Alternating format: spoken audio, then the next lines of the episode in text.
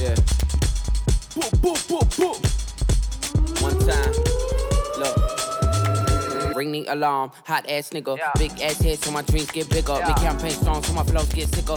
Confidence bigger than a drunk ass nigga. Look, I'ma work graveyard shift. שנייה לפני שמתחילים, קודם כל, בווד- בוודאי צריך רק להגיד תודה ל Cato Networks, קאטו Networks, אני קורא להם קייטו, קייטס. קייטו, קייטו. אוקיי, יש לי פשוט משהו עם קט, ושאלו אותי אם בגלל זה ההשקה היא פה, אז לא, לא הכחשתי ולא אה, איששתי. אה, תודה לכם מאוד על האירוח, יש לכם משרדים מאוד יפים. אה, סחטיין עליכם, אתם כנראה עושים משהו טוב. וגם אה, אה, פינקתם את כולם ביד נדיבה, שזה מאוד מאוד כיף. וגם כמו הרבה חברות שאתם בטח מכירים, הם לא מפסיקים לגדול ומחפשים עובדים, בעיקר מפתחים. אז לכל ה-HRים וה-HRיות בקהל, אה, stay away, אם אתם רואים מפתח אה, בסביבה, אם יש פה מפתחים, הם, יש להם זכות ראשונים, ובמעלית למטה אתם יכולים לנסות לתפוס אותם אחרי זה. אה, יאללה, שנתחיל. סבבה? מדהים. אז אה, גור, נעים מאוד. אה, אתה... בוא נראה אם אני מצליח להגיד את זה כמו שצריך, בלי פדיחות. אוקיי. מייסד שותף בחברה. כן. אה, לפני כן היית באימפרווה, אחרי שהיית שם העובד הראשון, ואז בנית חברה משלך עם קפסולה, ומכרת להם אותה.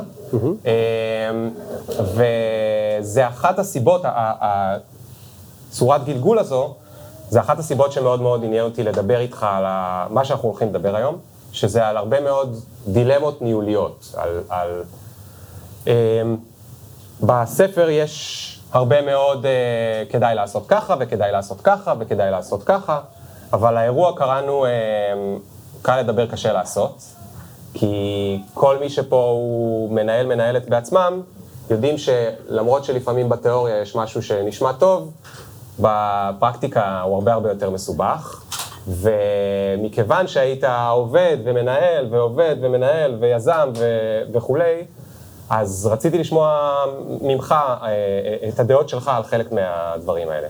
בוא נתחיל אבל רק בכמה מילים אה, שתספר על עצמך ואיך הגעת, שמעתי גם שאתה לא כל כך אוהב להקים סטארט-אפים, אז איך, איך, זה, איך זה קורה דבר כזה?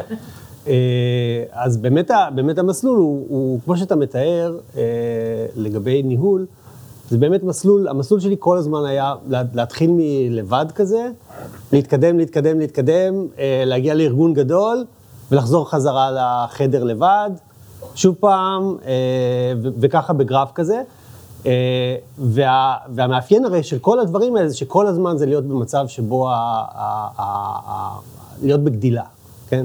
בסופר גדילה לאורך, אנחנו משהו כמו 20 שנה, בעצם כל, הזמן להיות במקום שבו האתגרים מתחלפים. כלומר, לנהל ארגון של אה, חמישה אנשים, ואחר כך עשרה, ואחר כך ארבעים, ואחר כך מאה, ואחר כך מאתיים, ואחר כך שוב פעם אחד, וככה, אז זה כאילו לעבור עוד פעם ועוד פעם את אותם גלגולים, אה, כל פעם לנסות לשפר לעומת הפעם שעברה, אה, ובעיקר לא, לא לחזור על הטעויות של הגלגול הקודם. מה, מה הדבר הכי שונה בלנהל חמישה אנשים ל-400? וואו, אה, או אחד מהם? אני חושב שה, שהאתגרים נהיים נורא נורא שונים. כלומר, אה, לנהל חמישה אנשים זה אתגר בעיקר מקצועי. אה, זה כמעט, אה, זה הרבה יותר קל. המעברים הקשים זה מעברים שבהם נוצרת היררכיה. כלומר, לנהל, כשהחברה הזאת הוקמה, למשל, אז בערך עד שהיינו 20 אנשים בארגון של המוצר, אז לא הייתה היררכיה בכלל. כלומר, מי שהיה רוצה לדעת מה, מה עושים היום, נכנס אליי ויושבים, מדברים, אחר כך יושבים, ל- עוברים ל-open space, עושים קצת ו- ומתקדמים הלאה. לא הייתה היררכיה. ברגע שהיררכיה נוצרת, כבר נוצרים אה, אה, אתגרים ניהוליים אחרים. ואני חושב שבכלל, ככל שההיררכיה הזאת נהיית יותר גדולה, אה, הופך לארגון יותר יותר, אה, אה, או נהיה יותר קשה לארגון לחיות. כן. אז אפרופו היררכיה, אה, יש לי שתי שאלות שקשורות לצמיחה מהירה. הראשונה, נ- נתחיל באמת מהמילה היררכיה. אתה בסוף אחד השותפים. אה, אתה הצלע הטכנולוגית, נכון? אה, כשאתה עם חמישה אנשים או אפילו עם עשרים, יש לך איזשהו חזון, מאוד מאוד קל להעביר אותו לחבר'ה, כי התקשורת היא ישירה. עכשיו יש מנהלים תחתיך, שלפעמים יש מנהלים תחתם, ומתחתם יש את העובדים. מה אתה עושה עם זה שהעובדים בסוף אה, לא מבינים בדיוק מה אתה רוצה? כן. אז זה אומר שני דברים. יש, יש את הצד שהוא אה, גנרי, אפשר להגיד, וזה שכשהארגון נהיה טיפה יותר גדול, אז כבר נהיה יותר חשוב אה, הרעיון של תקשורת. וכשמדברים על תקשורת, מדברים בעיקר על חזרה. כלומר, אנחנו חושבים שבדרך כלל... חזרתיות? זאת אומרת רפטטיביות? יש לנו איזושהי הנחה שברגע שאנחנו מדברים, או אומרים משהו, אז כולם מבינים, כולם און בורד, ויש הרבה דברים שאנחנו גם חושבים שכולם יודעים בלי שנגיד. והרבה פעמים אנחנו מסתכלים על זה בתור, למה אנחנו בכלל צריכים להגיד משהו? הרי זה לא מובן מאליו. יש, יש דברים שאנחנו עושים בתור חברה, ואנחנו אה, אומרים לעצמנו, כן, ככה, ככה Cato עובדת, ככה בונים ארגון. למשל, הדבר הכי, הכי טריוויאלי בעולם, בחברה שהיא חברת service, חברה שעוסקת ב-real time ובעצם בהגנה על אה, תשתיות חשובות של לקוחות, הדרגתיות. יש הרבה דברים שאסור שיקרו בחברה באופן הדרגתי. עכשיו, לנו ברור, אנחנו מהיום הראשון אומרים, כל דבר אנחנו חייבים שיקרה בצורה הדרגתית, כל דבר אנחנו חייבים שיקרה בצורה מסוימת. האם כולם יודעים את זה? האם כולם שמעו את זה? לנו דברים שנראים לפעמים טריוויאליים ונורא נורא ברורים, אז האנשים שהגיעו לפני שנה, או שלא דיברו איתנו ארבע פעמים ביום במשך הרבה הרבה זמן, הם לא כל כך ברורים. אז תקשורת וחזרתיות הוא חלק מאוד מאוד מאוד חשוב מבכלל ארגז הכלים שאנחנו חייבים אה, אה, אה, לרכוש אותו כשהחברה גדלה. וזה משהו מאוד מאוד מאוד קשה. הקלישאה לאנשי טכנולוגיה זה שהם לא טובים בתקשורת. אני לא חושב שמישהו שהוא מנהל בחברה הוא רק טכנולוגי בלבד, והתקשורת היא חלק בלתי נפרד מזה. אני חושב שיותר מזה, זה גם, ה, ה, ה, יש, יש חוק ש, שבעצם אני לא יודע אם, איך, הוא, איך הוא נקרא בעולם, אני, אני שמעתי עליו בתור חוק גרגן, והוא אומר שבערך כשאתה אמרת משהו אה, אה, אלף פעם ואתה מרגיש כבר שאתה רוצה להקיא מלהגיד אותו, אה, אז בערך אמרת אותו מספיק. ואני חושב שכל מנהל בחברת טכנולוגיה חייב להיות ב, כן. במצב כזה שהוא אה, מסתכל על הדברים האלה בצורה אני, הזאת. אני חייב להודות על עצמי שאני שונא לחזור על עצמי, ולכן אה, תקופות ארוכות באמת אה, עשיתי את הטעות הזאת, וזה היה נוראי. זאת אומרת, אמרתי משהו פעם אחת, ואגב, יש בינינו אנשים, כולל אותי, אני, אני אספר כאילו זה בעבר, אבל זה עדיין לפעמים קורה, שאומרים את המילה שוב. הם באים להגיד משהו ואז הם אומרים שוב. זאת אומרת, כבר אמרתי לך את זה. יכול להיות שאתמול, יכול להיות ששלשום, יכול להיות שלפני שבוע. לפעמים גם באימייל אנחנו כבר עצבניים, איך, איך הם עוד לא הבינו את זה, העובד עוד לא הבין, אז אני מתחיל את האימייל בשוב, זאת אומרת, למה לא הקשבת פעם שעברה? וזה כמובן אה, לא הועיל לי אף פעם, זה גם אה, תחושה לא נעימה של passive aggressive, כן. אה, וגם, אגב, יושב פה גם רן שביט, שלשמחתי יצא לי לעבוד איתו בג'ולט, והוא היה מסוג המנהלים שכל הזמן היה חוזר על הדברים אלף פעם. הוא היה עושה daily ו daily ו weekly, וכל הזמן היה אומר את אותם דברים. ואני לא הבנתי למה, עד שהבנתי אה, למה. החבר'ה שלו היו החבר'ה שבאמת ידעו מה קורה, היחידים, על האחרים היה הרבה יותר קשה. כן. אגב, זה יותר מזה. כלומר, כשאתה אומר שוב, זה דבר אחד, אבל הרבה פעמים אנחנו מסתכלים, כשאנחנו באים להגיד איזשהו מסר, אז אנחנו מרגישים עבור עצמנו שאנחנו חייבים לגוון. אנחנו חייבים להגיד את זה בצורה אחרת, למצוא זווית קצת אחרת וכן הלאה. אז לא תמיד צריך, כי הרבה פעמים הקהל ששומע משהו, שומע אותו פעם ראשונה, וגם הפעם הרביעית היא פעם שעדיין מעניינת לעשות, אז אפשר להרחיב, אבל גם הגיוון הוא uh, בעיה כשחוזרים. כן. אני, אני לא רוצה להגיד רק שזה העיקר ב, ב, באתגר כשחברה גדלה. אני חושב שהאתגר כשחברה גדלה, uh, בעיקר חברה טכנולוגית ובעיקר המקומות שבהם אני רואה שהדברים uh, נופלים ונשברים כשחברה גדלה, זה בדיוק בצד ההפוך דווקא. כלומר, אה, נורא נחמד שהמנהלים והנהלה יודעים לחזור על מסר, על מה חשוב, על הדברים הבסיסיים. אלה דברים נורא נורא חשובים. אבל האתגר האמיתי של מנהלים זה אה, להישאר במצב שבו הם מבינים את המערכת שלהם, ושההנהלה של החברה, בכל הרמות שלה, מבינה מה קורה. אני חושב שכולנו מכירים את הארגון הזה, אני מקווה ש... שבו בעצם... אנשים צריכים כל הזמן לתרגם למנהלים שלהם, כי המנהלים שלהם מבינים פחות מהם את החומר, ואז המנהלים מתרגמים למנהלים שלהם שמבינים עוד פחות, ואז קורה מצב שבו בעצם ההנהלה של החברה מדברת בעולם שהוא מנותק לחלוטין מהמציאות. פעם האחרונה שהם ראו משהו ככה בגובה העיניים היה לפני שנים. אז איך פותרים את זה? אני חושב שבאופן כללי זה, זה אה, דבר שצריך בחברה להבין שהוא אה, הוא, הוא האתגר הגדול. איך החברה תשמור על קו ראייה בין המטרות שלה ובין הדברים לבין היום-יום, היכולת של הארגון בעצם לייצר אה, תמונה כזאת. אני חושב שזה אתגר של המנהלים. המנהלים צריכים להבין שהמטרה האמיתית שלהם בארגון היא להבין את הארגון, להבין את מה קורה ברמת, בין טכנולוגיה, בין ברמת המוצר, בין ברמת, ה, אה, בין ברמת התקשורת והאנשים, ו, אה, ולהתמקד בזה. אגב, אני יודע שזה לא, לא כל כך פופולרי להגיד. כלומר, הרבה פעמים אומרים, אוקיי, בכלל המטרה של מנהלים זה לזכור אנשים טובים ולתת להם לרוץ. נכון? זה, זה, זה, זה מה שכולנו יודעים. אל תהיו מיקרו-מנג'רים, תנו אוטונומיה, אה, תנו להכל לרוץ וכן הלאה. הבעיה שבארגון מאוד מאוד גדול, הדבר הזה גם יכול להיות אה, אה, מאוד הרסני. אוקיי, okay, אז אתה מדבר על אולי לתת אוטונומיה, אבל עדיין לדעת מה קורה. זאת אומרת, זה שאני נותן אוטונומיה, לא מוריד ממני את המשימה לדעת מה באמת קורה שם? אה, אני חושב שבעיקר אנחנו צריכים לשנות את התקליט לגבי מה זה אומר אוטונומיה. או, מעולה. אה, תשנה לי. אני חושב שאנחנו מתייחסים לאוטונומיה בתור איזשהו משהו שהוא מוענק. אנחנו נעניק אוטונומיה, אה, וככה, ובתוך אותה אוטונומיה הדברים יצמחו וילבלבו, ופעם בכמה זמן אנחנו נסתכל ונראה שהכל עובד טוב. זה לא, במציאות זה לא עובד ככה, לפחות מהניסיון שלי. אני חושב שהאוטונומיה באופן כללי, היא משהו אה, שקודם כל הולך ומשתנה עם הצלחות וכישלונות. כלומר, צוות מצליח, או קבוצה מצליחה, או בן אדם מצליח, זה אדם שהאוטונומיה שלו הולכת וגדלה לאורך זמן. למה? כי האנשים, יש יחס של אמון לגבי ההגעה למטרות וכן הלאה. כלומר, אוטונומיה היא דבר שהולך וגדל כשיש הצלחה. איפה האוטונומיה קטנה? ברגע שאנחנו רואים שאין הצלחה.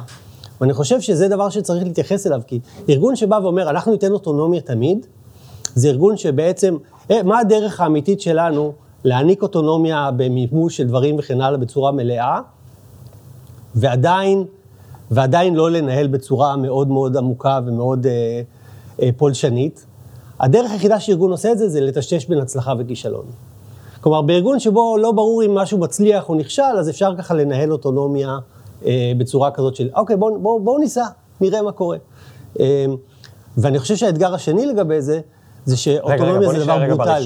כן. אתה, אתה מציע בעצם שארגון לא יטשטש בין uh, כישלון להצלחה, או שיטשטש? אני חושב שבדיוק הגישה הזאת שאומרת, בואו נתייחס, נתייחס להצלחה וכישלון בתור אמצעי לדעת איפה יש לשחרר יותר ואיפה פחות, mm. זה הדרך הנכונה, במקום לבוא ולהגיד, בואו נשחרר, ואז בעצם, הרי, הרי אם אנחנו נסתכל על זה, אני יכול אגב, בתור דוגמה היסטורית כזאת, אני חושב שההיסטוריונים מסכימים שהגנרלים הכי מוצלחים שהיו למלחמת, אה, לארצות הברית, אה, בכל המלחמות שלה, היו הגנרלים במלחמת העולם השנייה.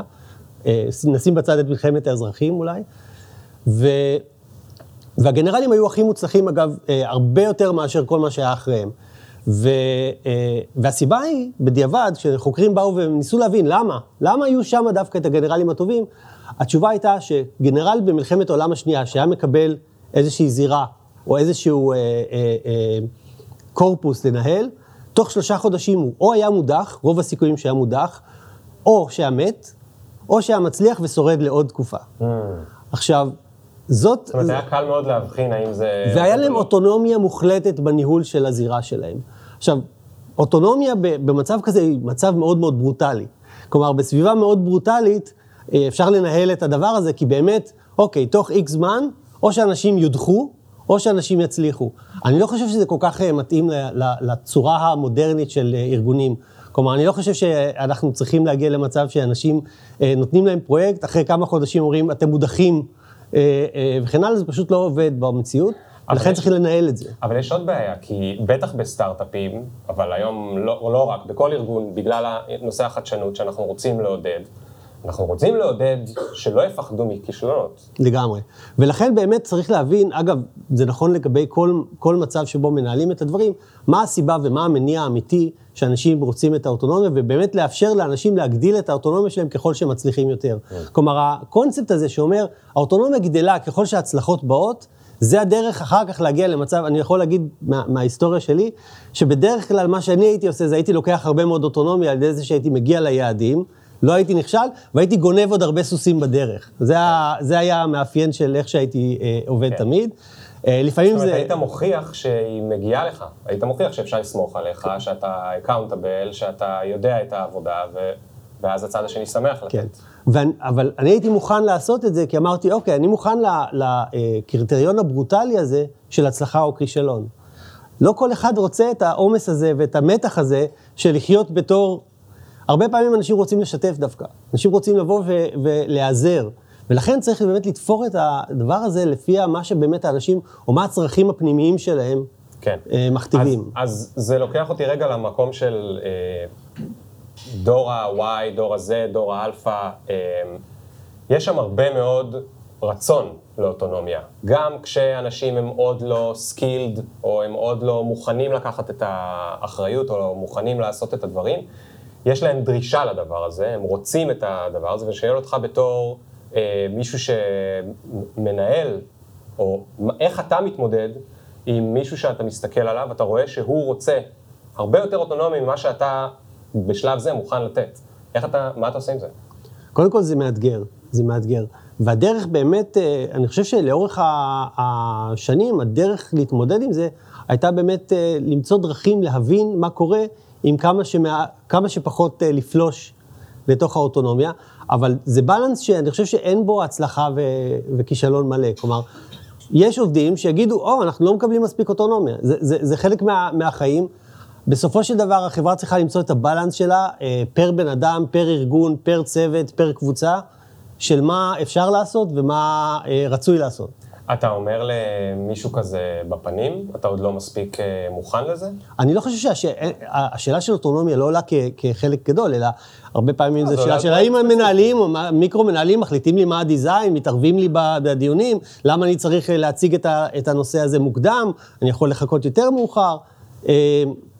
זה זה חלק מהחיכוך היומיומי שיש בחברה, אין לי פתרון אה, קסם לזה, אה, ו... ופשוט זה הבלנס שצריך לעשות כל הזמן. אז אפרופו זה, ופה דיברת על צמיחה מהירה, שכמה פעמים יצא לך אה, לעשות, ו... או לעבור, או להעביר, ובהזדמנויות האלה קורה הרבה פעמים שאנחנו פתאום צריכים שכבת ניהול. היינו ב-20 איש שסיפרת עליהם, כולם היו בחדר, הכל עבד טוב, עכשיו פתאום אנחנו צריכים שכבת ניהול, ומאוד מאוד נפוץ שאת השכבת ניהול הזאת אנחנו מגדלים מלמטה. ואז אנחנו מתחילים לעבוד עם חבר'ה שמעולם לא ניהלו, והם צריכים להתחיל לנהל. מה הבעיות שראית שקורות אצלם בדרך כלל? קודם כל, אנשים באמת, האתגר הגדול הזה של אנשים שצריכים לשנות את הרול שלהם, ו, ובאיזשהו שלב אה, אתה מתחיל כעובד, אה, כ individual contributor, הופך להיות ראש צוות, או אחר כך ראש קבוצה, מנהל של מנהלים, ואחר כך מנהל יותר בכיר. כל אחד מהשלבים האלה הוא שלב אה, קשה. הוא, הוא שלב קשה לאנשים להתמודד איתו. זה שלב שא' מצריך מנטורינג באיזושהי רמה. אה, אנחנו למשל אה, מעבירים קורסים, אנשים שעוברים תפקיד לתפקיד הבא שלהם ברמת הניהול. זה דבר שמצריך קודם כל הפנמה מאוד מאוד גדולה של הערכים, של איך הדברים צריכים להתנהל. זה מחזיר אותנו לשאלה של תקשורת, שדיברנו עליה מקודם. ובעצם בסופו של דבר, אני חושב שהמעברים האלה הם מעברים שאנשים צריכים לבוא ולהגיד, אוקיי, מה הדרך הנכונה, אגב, לאו דווקא באופן כללי, אלא הדרך הנכונה בחברה לעבור להיות בשלב הבא. אה, וכאן זה באמת עניין של תקשורת. למשל, אצלנו בחברה, חלק גדול מה, מה, אה, ממה שאנחנו אומרים לאנשים, מעבר ל- ליכולת שלהם לנהל, זה להגיד, אוקיי, מה הדגש שלכם כמנהלים בהתחלה, או כמנהלים של מנהלים בשלב הבא, מה הדבר שאתם צריכים לדעת כדי אה, אה, שזה יהיה המצפן שלכם כשאתם באים לנהל ארגון שהולך וגדל. ולנו יש אגב תפיסה שלנו, שאני לא בטוח שהיא משותפת לכל הארגונים, אבל... והיא אומרת שבגדול, אם אתה מסתכל על, ה, על האנשים שמתקדמים בניהול ועוברים וגדלים יחד עם החברה, אז יש דברים שנורא חוזרים על עצמם. אחד, זה שיש דברים שאנחנו באופן כללי משתפרים בו לאורך זמן באופן טבעי. כלומר, אנחנו באופן טבעי, כשהזמן עובר, אנחנו כמנהלים, וככל שהסקופ שלנו כמנהלים גדל, אנחנו אה, טיפה יותר טובים בלנהל אנשים. אנחנו טיפה יותר, אה, אה, יותר מנוסים ויודעים מתי לשחרר ומתי לקחת אחריות. אנחנו באופן טבעי יודעים יותר להבין את המוצר ואת, ה, ואת הדומיין שבו אנחנו חיים. הדבר היחידי שאנחנו צריכים בעצם לעשות, זה, זה להמשיך ל, ל, ללמוד את, ה, את הדברים האלה, בזמן שאנחנו לא נאבד את היכולת שלנו להבין את המערכת ואת, ה, ואת השכבה הנמוכה. כלומר, הדבר שמנהלים בדרך כלל מאבדים לאורך זמן, זה לא את היכולת שלהם להבין את המוצר, זה לא את היכולת שלהם להבין את האנשים, זה לא את היכולת שלהם לנהל את הזמן שלהם. מה שמאבדים לאורך זמן זה את ההבנה שלהם ברמה הכי הכי בסיסית מה קורה בחברה, מה, מה קורה ברמת המוצר. והאובדן הזה, זה אובדן שאחר כך מאפשר, לא מאפשר לחברה לעשות שינויים. כן, זה אבל... התפיסה וזה מה שאומרים גם לאנשים. זה, הדרך, זה הדרך שלכם לשמור. אני אוהב את זה מאוד, אבל מה שעדיין לא מסתדר לי זה שמדובר על חברות בצמיחה מאוד מאוד מהירה. כשאתה מדבר על לימוד טבעי, זה אומר שלבן אדם לוקח זמן, ויכול להיות שייקח לו חצי שנה ויכול להיות שייקח לו שנתיים. אתה צריך מנהלים טובים, מהר, mm-hmm. ועוד חצי שנה אתה צריך פתאום עוד שכבת ניהול, ועוד חצי שנה עוד שכבת ניהול, אז, אז, אז איך אתה ככה נותן להם באופן טבעי, מאיפה יש לך סבלנות? אז בוא נסתכל על זה מההתחלה. מה, מה גורם לנו ללמוד? בכלל, באיזושהי סיטואציה, כמנהלים, כעובדים, מה הדבר שבעצם עוזר לנו ללמוד? עכשיו, יש שתי גישות לזה, אה, והרבה, ואנשים צריכים איזשהו בלנד של שניהם. אז הרבה פעמים כש, כשאני בא ללמוד משהו, נגיד אני נכנס לפרויקט, אז יש שלב שבו אני טועה, נכשל, משפר, טועה, נכשל, לומד, משפר וכן הלאה. אה, זה מסלול יחסית ארוך, אה, ולפעמים הוא קורה גם בסייקל של חברה שלמה. כלומר, ללמוד בעצמנו הרבה פעמים זה בעיה. ואני חושב שחלק גדול מהאתגר לאנשים זה, אה, או, או ממה שיכול להכין מנהלים טובים, זה היכולת שלהם, אה, בוא נקרא לזה, ללמוד אה, משותפות, או ללמוד מ mentoring, או להיות חלק מ... אני חושב שמי שנגיד גדל בצוות בריא, אחר כך יהיה ראש צוות טוב. ומי שגדל ב staff טוב של קבוצה, אחר כך יהיה ראש קבוצה mm. טוב. כלומר, היכולת שלנו לחוות מה זה טוב, הוא חלק מאוד מאוד קריטי בחברה. אני חושב שבאופן כללי, כשבאים להסתכל על פרויקטים מצליחים לעומת פרויקטים שנכשלים, אז הרבה פעמים אנחנו רואים שההבדל בין ההצלחה לכישלון, זה שלא היה מודל טוב בפרויקטים הכושלים, למה זה טוב, מה זה נכון, מה זה הצלחה. ואז תחשבו כמה זה מפחיד אה, להיות במצב שבו אני צריך לעשות משהו, או הצוות שלי צריך לעשות משהו, או הקבוצה, וזו פעם ראשונה שאנחנו עושים את זה. ואין לנו שום מודל למה נכון, מה יכול להיכשל, מה יכול להצליח. זה, זה, זה אומר שסיכויי ההצלחה שלנו הם פחות טובים. זה אומר שהיכולת שלנו ללמוד היא פחות טובה, כי אנחנו נצטרך סייקלים של כישלונות עד אינסוף. זה כמו להיות, אה, זה כמו ש... אולי פעם היו מלמדים ילדים לשחות על ידי שזורקים אותם לבריכה והולכים ורואים כאילו אם הם זכו חזרה החוצה, אבל, אבל, אבל סיכויי ההצלחה של זה לא מספיק טובים כדי שזה יהיה דרך טובה לגדל ילדים.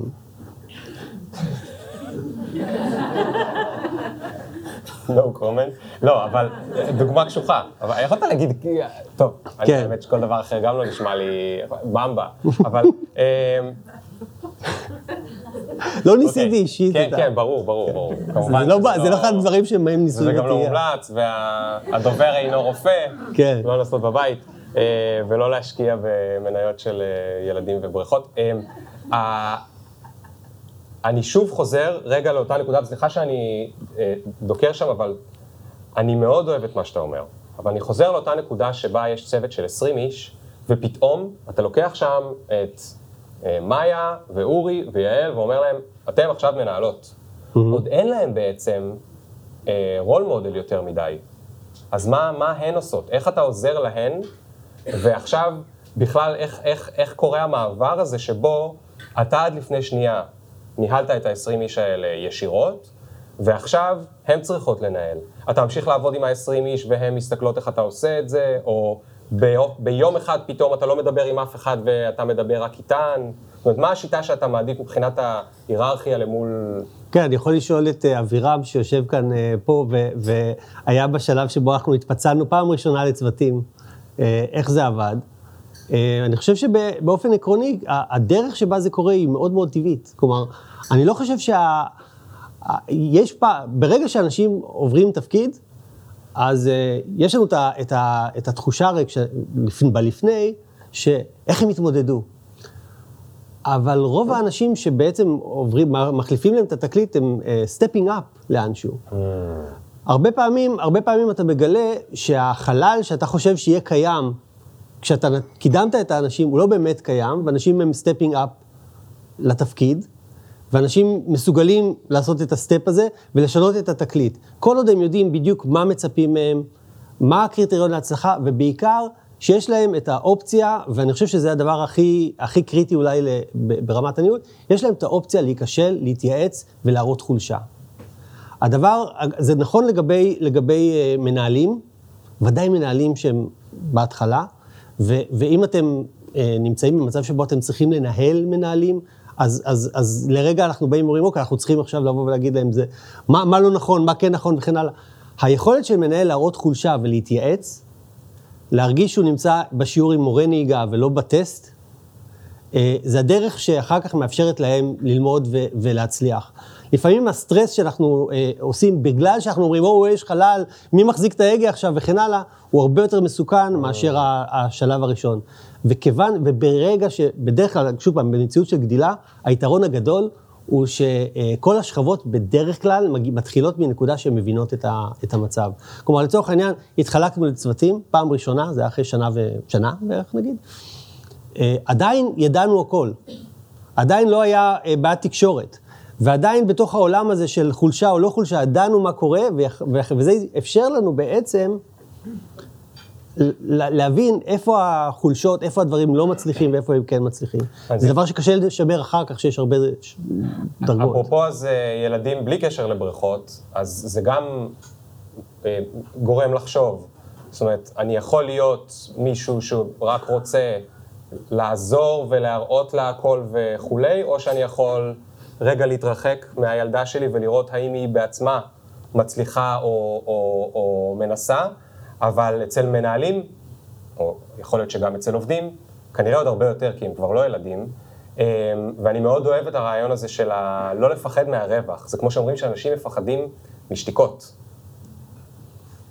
אין להם אומץ, אני נגיד, אני פודקאסטר ועדיין, אני מורגל בזה ועדיין קשה לי מאוד לעשות שתיקות. אני כל הזמן מפחד מה הם יחשבו, אבל זה נורא מצחיק כשמלמדים דיבור בפני קהל, או, או, או לעשות את הדברים האלה, מדברים המון על להשאיר רווחים.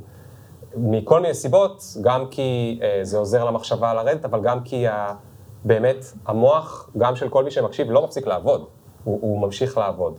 בואו נלך רגע, ל, ל, נעבור לנושא אחר, נושא שכבר מצד אחד נמאס ממנו, מצד שני הוא מצא אה, אה, עניין חדש לאחרונה, זה נושא העבודה ההיברידית. אה, נמאס ממנו קצת, כי די, כמה אפשר לדבר על כן היברידי, לא היברידי, כן מהבית, לא מהבית וכולי, אבל למה זה עכשיו פתאום? אה, איפה מגיעה הפנייה? הפנייה מגיעה כשמדברים על שוק שהמצב בו כבר קצת יותר קשה. וכשהמצב קצת יותר קשה בשוק, אז המנהלים שהיו פחות, נקרא לזה, משחררים ומוכנים לגמישות וכולי, אה, חלקם מרגישים ביטחון לחזור ולהקשיח עמדות, ולחזור למקום שבו אני אומר לכם מה לעשות, ואתם פשוט תעשו מה שאני אומר, כי לא תמצאו עבודה מחוץ לחברה שלי. אז אה, מרשים לעצמם לחזור למקומות האלה שהיו פה לפני הרבה שנים, או לא כזה הרבה שנים, או לפעמים עדיין אה, נמצאות. ואני רוצה לשאול אותך ספציפית, אני יודע שאתם עובדים הייבריד. איך, מה, מה הפורמט שלכם, וגם, אני לא יודע, יכול להיות שיש פה עובדים שלך, אבל אני בכל זאת אשאל, מה כן מפריע לך בפורמט הזה, אם יש משהו כזה, או קשה לך איתו? אה, קודם כל, אנחנו לא, הרי אף חברה לא באמת נכנסה למוד של עבודה מהבית או עבודה היברידית אה, מתוך תכנון, מחקר מעמיק. היה איזה יום, לפני אה, כמעט שלוש שנים, ופשוט אה, הלכנו הביתה ולא חזרנו. אה, ו... אז, אז, אז אנחנו די מסתדרים עם המצב. התחלנו ממצב שהוא מצב שלא היה מתוכנן. עכשיו, אני לא יודע, אגב, מבחינת האנשים, אולי, אולי נשאל, מבחינת העבודה ההיברידית, או עבודה מהבית, מי חושב שהעבודה מהבית הייתה יותר פרודוקטיבית לחברה? יותר פרודקטיבי. יותר פרודוקטיבית. ב- ב- ב- בסך הכל על גבי כל החברה. לא לעובד ספציפי, אלא לכל החברה. היברידית מלאה. זאת אומרת, לא נתחיל היברידית, מעבודה סליחה, מהבית. רק, מהבית. מעבודה מהבית, לא ראיתי הרבה... מי חושב שהעבודה מהבית לגמרי פגעה בפרודוקטיביות של חברה, כחברה? אוקיי, מי חושב שנשאר אותו דבר? אז, ועבודה היברידית, היא יותר פרודוקטיבית? כאילו, אז אני חושב שבאמת, יש כאן בסך הכל, אה, אה, אנחנו רואים שאין הרבה הסכמה. ואני חושב שזה גם קיים, זה, בדיוק המציאות. שיש אנשים שבשבילם עבודה מהבית ועבודה היברידית הייתה אה, שדרוג והפרודוקטיביות שלהם עלתה, ויש אנשים שהפרודוקטיביות שלהם ירדה. ולכן, והשאלה היא באמת בבלנס, איפה החברה נמצאת. אני חושב שאנחנו בסופו של דבר, אחרי שלוש שנים שבהם אנחנו אה, עבדנו מהבית לגמרי, שלא בטובתנו, חלק מהזמן, חזרנו לעבודה במשרד, הגענו למצב שבו בערך הסטנדרט בתעשייה הוא של עבודה מהבית ועבודה, ועבודה אה, מהמשרד בשילוב, כשאצלנו הדגש הוא טיפה יותר על עבודה מהמשרד מאשר עבודה מהבית. זה, זה מצב שהוא סך הכל שיווי משקל טוב. אה, אבל צריך לזכור כל הזמן מהם, ה, אה, מהם המלכודות בעבודה היברידית, בעבודה מהבית, ו, אה, ולנסות לפתור אותם. אז כי מה- יש מה- מלכודות בלתי... למשל? אחת המלכודות זה, זה שאם אנחנו נסתכל על הדברים שהלכו לנו לאיבוד במוד היברידי, או במוד של עבודה מהבית, אנחנו צריכים להחזיר אותם. הרי מה הדבר הראשון ששמנו לב כשעברנו כל החברה לעבוד מהבית? זה איפה הווייטבורדים. אין לנו ווייטבורדים טובים לעבוד איתם. אין לנו את התקשורת ואת היכולת להתקבץ ביחד ולהגיע למסקנות. זום לא שווה פגישת brainstorming שעושים ביחד. ולכן אנחנו רוצים לרכז את כל הדברים האלה בימים שבהם אנחנו נמצאים במשרד דווקא. מצד שני, יש הרבה מאוד פגישות שהן מאוד מאוד גדולות, ופתאום גילינו שבהרבה פגישות שפעם ניהלנו בצורה היברידית, ובהם נגיד, אה, לא יודע אם היה לכם פעם את, ה, את החוויה של, יש כמה אנשים שיושבים במשרד, מסביב לשולחן, ועוד איזה שניים, שלושה אנשים שיושבים בתוך הקופסה. אה, רק אחרי שעברנו לעבוד מהבית, גילינו כמה זה היה קשה כמה היה לא לאנשים. ולכן לפעמים צריך דווקא ללכת לכיוון השני ולהגיד, אוקיי, יש פגישות מסוימות שמעצם טבעם שווה לעשות אותן זום אונלי ולתת לאנשים אה, לעבוד בצורה כזאת. כלומר, להיות מודעים. גלובליות. לדוגמה, אם הן גלובליות. כך שבעצם, והדבר השני שצריך לזכור זה שבעצם אה, במוד עבודה אה, של עבודה מהבית והיברידי כשניהם, אנשים יכולים ללכת לאיבוד. כלומר, היכולת שלנו באמת לדעת, לזהות ולהבין איפה הפרודוקטיביות שלנו נמצאת, איפה, איפה האנשים נמצאים על, ה, על, ה, על, ה, על הבלנס, מי, מי האנשים שנפגעו מהעבודה מהבית ומי האנשים שפורחים בעבודה מהבית, זה אתגר של מנהלים לבוא ולזהות את זה כדי לדעת לה, לה, להתאים את הציפיות ולייצר את, ה, את הסיטואציה שעוזרת לנו. עכשיו תגיד, הסברת לי קודם, ומאוד אה, אהבתי והסכמתי, שאחד האתגרים הכי קשים אצל המנהלים, ובייחוד ככל שיש יותר דרגות בהיררכיה, זה להישאר מחוברים לשטח. בעבודה מהבית מרגיש, הרבה פעמים למנהלים, גם לי הרגיש כש, כשניהלתי עובדים מרחוק, שיש לי הרבה פחות הזדמנויות, כי אני לא יכול להיכנס להם לחדר. אני לא יכול אה, לשבת ליד מישהו באופן ספונטני ליד המסך שלו, ובעצם רוב ה... קראו לזה פעם פגישות קולר, אבל עזוב רגע את הקולר. הרבה יותר מעניין אותי מהקולר באמת להיכנס לחדר, לשבת עם מישהו על המסך שלו. הם, הם נעלמו. כי מה שנשאר זה רק הפגישות המסודרות, מ-9 עד 10 בול, ומ-11 עד 12 בול, וכל ה... דיברנו קודם על החשיבות של מרווחים, ומה קורה ברווחים, נעלמו המרווחים. כן. אני, אני, בוא נאמר, אה, אולי אה, אני לא אענה מיד על זה, אבל אה, עיקר, ה, אני חושב שבחברה שבה אה, מראש הנתון הוא שיש את הנתק בין ההנהלה לעובדים, בין, ה, בין העובדים בכל אחת מהרמות, ברגע שזה קיים, עבודה היברידית, או עבודה מהבית היא נורא נורא מסוכנת, כי באמת, אה, ברגע שאנחנו מסתמכים על אה, תקשורת כדי לדעת מה קורה, כמו שאתה אומר, אם אני יודע ש... אם אתה יודע שאני עובד, על בסיס זה שאתה עובר לידי ורואה אם אני עובד או לא, ולא, אה, ו, ו, ולא על, על בסיס זה שאני שלחתי איזושהי הודעה בסלק, תוך כדי זה שאני לוקח את הילדים לגן, אה, אם, אם הידע שלך מבוסס בראש על תקשורת איתי, אז יש לך בעיה. כי עבודה היברידית היא אומרת, אתה בעצם איבדת שליטה, איבדת תקשורת, כמות התקשורת ירדה, מטבע הדברים, ולכן, ולכן אתה בצרות. ואני חושב שבדיוק בגלל זה, ארגון שבא ו- ואומר מראש, ככל שיש אה, אה, אליימנט, ואנחנו יותר מבינים את, ה, את ה, מה שהחברה עושה, ברמה היומיומית, ברמה האמיתית. כלומר, זה אומר מנהלים לא רק מכירים את מה הפרויקטים, אלא ממש מה זה אומר בפועל, מה הקוד אומר, מה, ה, מה הבאגים אומרים, מה, איך אנשי המכירות מדברים, איך ה... להחזיק את זה מאפשר להתגבר על הבעיה הזאת של התקשורת שנוצרת מעבודה היברידית. כן. כלומר, זה הפתרון וזה גם הבעיה אה, בצד שלנו. אמ, יש לי שאלה, אה, ביקשתי מה, מהאנשים שתרשמו גם לרשום שאלות, ויש לי שאלה אחת מה... זאת אומרת, יש הרבה שאלות פה שהן מהקהל, אבל יש אחת שרלוונטית לזה, אה, כמובן זה אנונימי, אנונימי, אבל על אה, מישהו שהוא אומר, אני עובד בחברה, מנהלי דרג הביניים, אנחנו היותר צעירים, רוצים לאפשר לחבר'ה שלנו לעבוד מהבית, כי אנחנו מבינים, או לפחות חלק מהשבוע, אנחנו מבינים שאנחנו נאבד אותם אם לא. המנהלים מעלינו פשוט לא רוצים לשמוע על זה. יש לך איזשהו עצה בשבילם? תעברו לקייטו. אתם מחפשים עובדים? לא אמרנו? כן. אה, אה, אין לי, אין לי אה, תשובה לזה. יותר כללית באותו נושא. השאלה שנוגעת לניהול למעלה. ואני יודע שאתה למעלה, אבל קודם כל לא תמיד היית הכי למעלה, אבל גם אולי אתה יכול לספר מהזווית ראייה שלך. כשיש מנהל אה, תחתיך, ויש לו גישה שהיא שונה משלך, באיזשהו תחום, ניהולי, כן? אבל באיזשהו תחום, לא משנה אם זה באיך הוא עושה תקשורת, איך הוא שומר על החבר'ה שלו, איך הוא עושה דיווחים, הוא... יש לו גישה אחרת. איזה דרך יש לו לבוא אליך ולנסות לקבל את מה שהוא, אה, שהוא רוצה? תקשורת בסיסית. אה, אנחנו, אנחנו באמת, יש איזושהי, אה, לא- אני לא יודע מאיפה התפיסה הזאת שאומרת שמנהלים מקבלים את מה שהם רוצים. שאם אתה אומר שמשהו יקרה, אז זה קורה.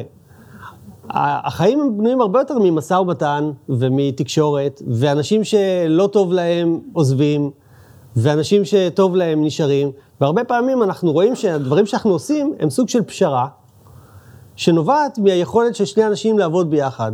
וזה יכול להיות שני אנשים באותו צוות, וזה יכול להיות מנהל ו- ו- ו- ועובד, וזה יכול להיות מנהל ומנהל. המציאות היא כזאת שאנחנו צריכים להתגמש, ומי שלא גמיש מספיק כדי להכיל כמה צורות עבודה וכמה צורות תקשורת, אה, קשה לו מאוד להתמודד עם ארגון שמשתנה מהר, אה, וקשה מאוד לרכז את זה. ולכן אני הייתי אומר, זה, זה אתגר שלי כמנהל, שיש אזורים שאצלי התנהלו בצורה קצת אחרת מאשר האידיאל שאני הייתי רוצה. האתגר שלי זה להגיד, אוקיי, אם זה ככה, מה אני אמור לעשות עם זה? איך אני מתמודד עם הדבר הזה?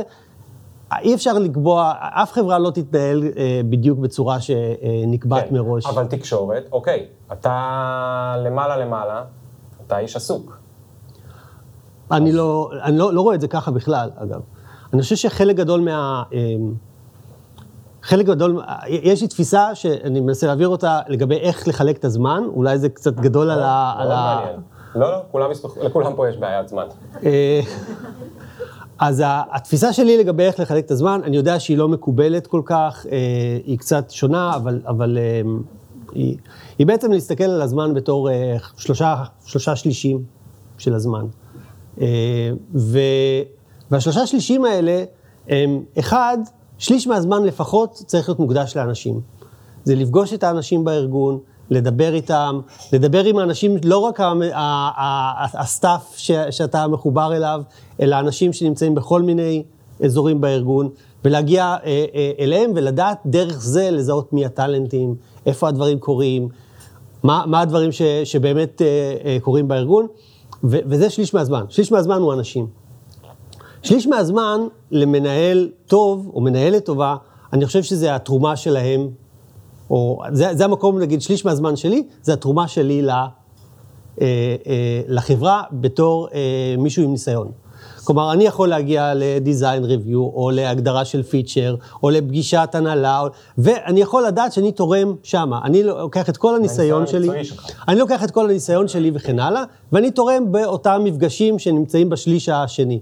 היתרון של הדבר הזה זה שזה לא מחייב המון ריכוז לפעמים, זה לא מחייב מאמץ, וזה דבר שפשוט לוקחים את מה שאנחנו יודעים ברגע מסוים ותורמים. אנחנו יכולים לבוא ולעזור לזהות את הבעיות שיש באיזשהו דיזיין או באיזשהו פרויקט, או להבין מה קורה שם, או אפילו לתקשר מה המטרות.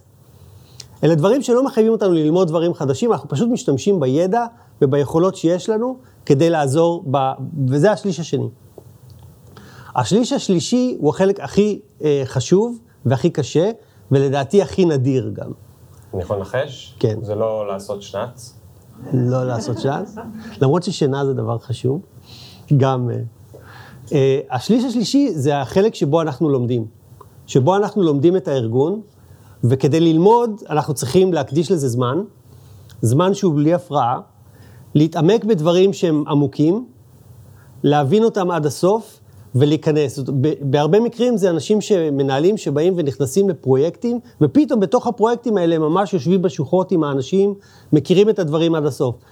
אפשר להתייחס לשליש השלישי הזה בתור אה, אה, קידוחים, קידוחי נפט כאלה, שדרך כל הארגון אנחנו לומדים איזשהו אזור חדש שאיבדנו מגע איתו, ועכשיו אנחנו יכולים קדימה להבין אותו לעומק לאורך זמן. אה, אני חושב שכמנהלים אנחנו פחות חושבים על זה, אבל אם אנחנו אה, מסתכלים על זה בראייה כוללת, החלק שהכי פחות משתנה בארגון זה הבסיס הטכנולוגי שלו נגיד.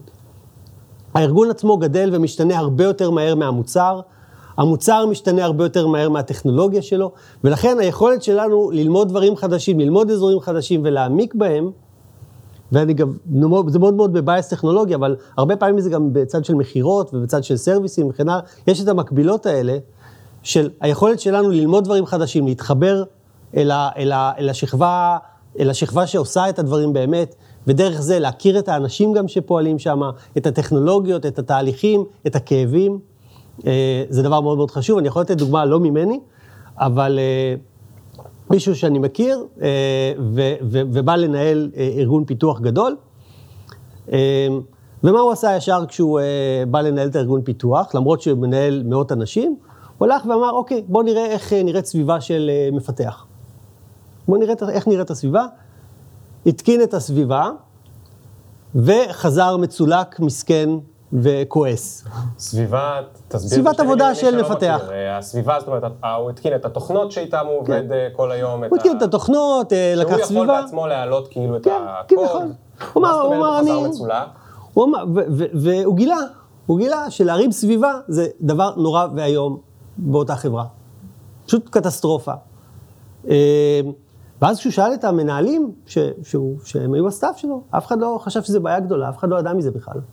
אבל כשהוא דיבר עם המפתחים, אז הם אמרו, ברור, זה ידוע, זה, זה אחד הכאבים, זה אחד מהורגי הפרודוקטיביות שלנו. בעולם שלנו זה חלק מאוד מאוד גדול, אבל זה לא חלחל למעלה. ולכן ההבנה הזאת של מה קורה בשכבה אה, שעושה באמת את העבודה, מה הכאבים שם, זה, זה יכול להיות דברים שהם טכנולוגיים, זה יכול להיות דברים שהם טכניים, זה יכול להיות דברים שהם תהליכיים.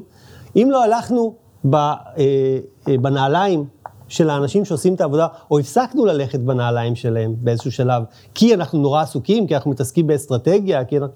אין אסטרטגיה, וכל הדברים האלה הם חרטוט מוחלט.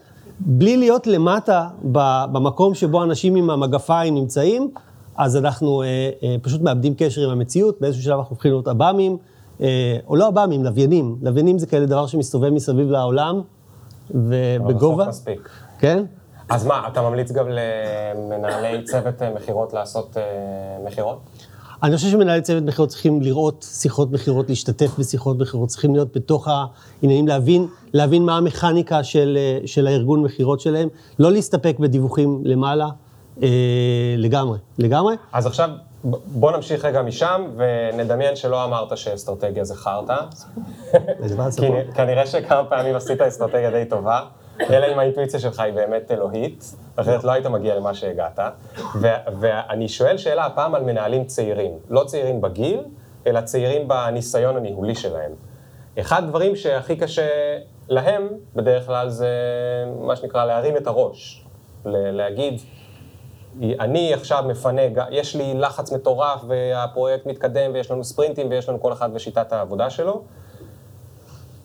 איך והאם אתה מלמד אותם, או מה הדרך שבה אתה מלמד אותם, כי את זה לא ציינת בשלושת השלישים, לדחוף גם את, שיהיה להם זמן לטווח ארוך. אס- אסטרטגיה זה אחד מהדברים, אבל גם באופן כללי טווח ארוך, איך אני מסתכל כן. קדימה, חצי שנה, שנה. אז, אז מהבחינה הזאת, אצלי זה השליש השלישי, זה השליש שלומדים. ללמוד זה דבר שמחייב מיקוד, זה דבר שמחייב זמן, זה דבר שמחייב ריכוז, זה יכול להיות לגבי אסטרטגיה וזה יכול להיות לגבי מה שקורה למטה. השליש השלישי הזה זה דבר שהוא הסחורה שהכי נעלמת, פשוט מתאפסת. עכשיו, בשביל זה אני חושב שמנהלים, דבר ראשון הם צריכים להבין איפה הזמן שלהם הולך למה? בוא נניח שאני מסתכל על הזמן שלי, כל הזמן של הלימוד וכל הדבר הזה, שזה אגב, אה, קשה מאוד להגיע לזה הרבה פעמים, לא בא לנו, הרבה יותר קל לנו ללכת בעקבות הקלנדר ו- ו- ולעשות פגישות של חצי. שעה, ובתור, וללכת אחרי האינבוקס, כי הרבה יותר קשה לרחף, הרבה יותר קל לרחף בעולם הזה, מאשר להיכנס לעומק באיזשהו דבר. פשוט המוח שלנו בנוי הרבה יותר לעולם הזה, ולכן להסתכל על, ה- על, ה- על הזמן שלנו ולהבין שאין לנו זמן שאנחנו יכול, יכולנו לקחת וללמוד ממנו, זה דבר ראשון.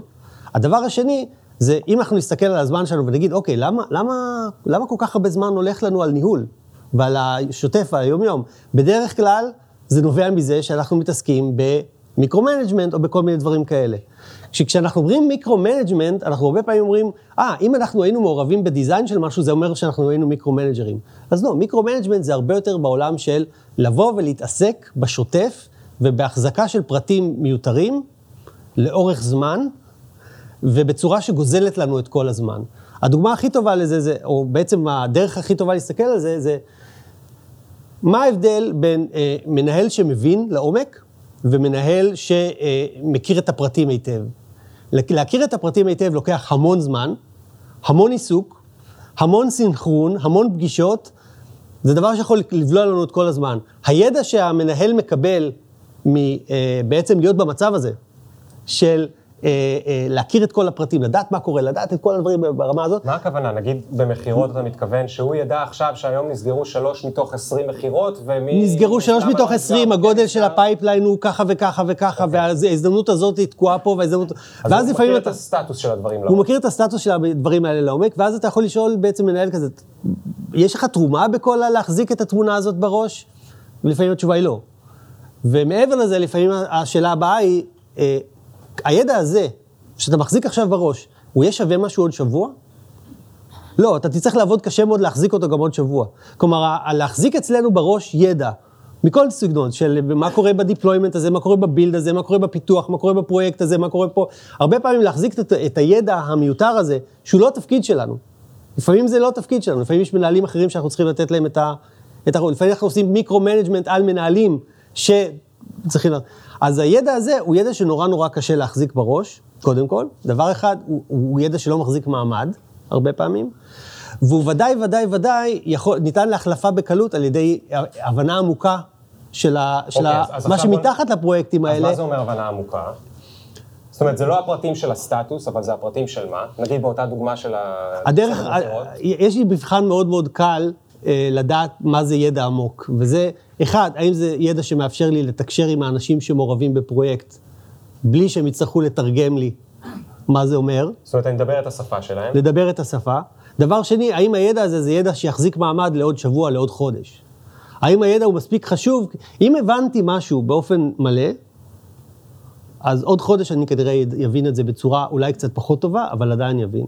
אם אני החזקתי סטטוס של משהו היום באופן מלא, עוד שבוע זה חסר משמעות לחלוטין. אוקיי, אז נגיד בדוגמה של המכירות, נראה אם אני הבנתי נכון, אז יכול להיות שאני מבין לעומק את התהליכים, את, ה, את הפלואו, מי עושה מה אחרי, לא מי, סליחה, אפילו בלי מי, אבל מה קורה אחרי כל דבר, איפה הדברים אולי תקועים, מה עובד פחות טוב, כמו שנתת את הדוגמה של הסביבה הזאת שהייתה תקועה, אבל זה לא אומר שאני מבין את הסטטוס, זאת אומרת, אני מבין את המבנה, לא כל כך מי עכשיו גר שם. כן. ועכשיו, ברגע ש... ברגע ש... בוא נניח שעכשיו יש לך, אתה ראש צוות, ואתה יודע בדיוק מי האנשים שטובים במשימות מסוימות וכן הלאה, ועכשיו, ועכשיו אתה, אה, ואחר כך אתה הופך להיות מנהל של ראש הצוות. עדיין אתה יודע הרבה דברים לגבי מה החוזקות, מה החולשות, מה הבעיות הטכנולוגיות וכן הלאה, מה הדברים שבדרך כלל, בדרך כלל אה, אה, הם מתקלקלים, או מה שנקרא בשם הכללי, אתה יודע איפה השלדים קבורים. לדעת איפה השלדים קבורים עוזר לך לשמור על סטטוס בצורה מאוד מאוד קלה, יחסית. אם עכשיו אתה צריך לה, להסתכל על סטטוס של אוסף של פרטים שאתה לא באמת מבין, לא באמת מקשר, אבל אתה יכול, המטרה העיקרית שלהם זה שהמנהל שלך יבוא, אז תוכל להגיד, הפרויקט הזה נמצא פה, הפרויקט הזה נמצא פה, הפרויקט הזה נמצא פה, וכן הלאה וכן הלאה וכן הלאה. כלומר, היכולת שלנו להבין דברים לעומק, היא בדיוק בדיוק אה, אה, סותרת את הצורך בהקפדה על פרטים, והקפדה על פרטים האלה, זה בדיוק מה שלוקח את כל הזמן. כן, זאת אומרת, אתה אומר, יש בסוף מקום מוגבל בראש שלי, שמוקדש ל... לדבר הזה שהוא נגיד הלימוד, ואני צריך להבין שהמקום הזה מוגבל ולא כן. אינסופי, ולכן אני צריך להחליט האם אני לומד את הפרטים ואת הסטטוס, או שאני לומד את המבנה והתהליכים. אה, כן. אחלה עצה. כן, יותר מזה, נור, אני חושב שהשליש השלישי הזה בדרך כלל לא כל כך קורה. יש דרך נורא נורא קלה לנו לדעת אם אנחנו בדרך לשם. תסתכלו על הקלנדר שלכם. אם הפגישות שלכם הם חצי שעה ברובם, או שעה, חצי שעה עד שעה, עם הרבה משתתפים, כנראה שאתם, וזה, וזה פרצלציה של כל הזמן, כנראה שלא למדתם כלום באותו שבוע. אה, אוקיי, אה, כאילו, אתה צריך להגיד בסוף בלי להעליב, או... בלי להעליב, כן. לפי הצחוק, לפי הצחוק, אה, לא נבקש כן. לראות את הקלנדר שלכם בסוף. גור, הרבה הרבה תודה. תודה לך. היה מדהים. תודה. They mention. Did you get my mentions? Question, do you even fuck with a nigga like me? Will you want me in about three days? Really? IDC. Cause every time a nigga talk, they can't see the big up picture. Fuck your filter. Me can't go run, but me can't repeat. No.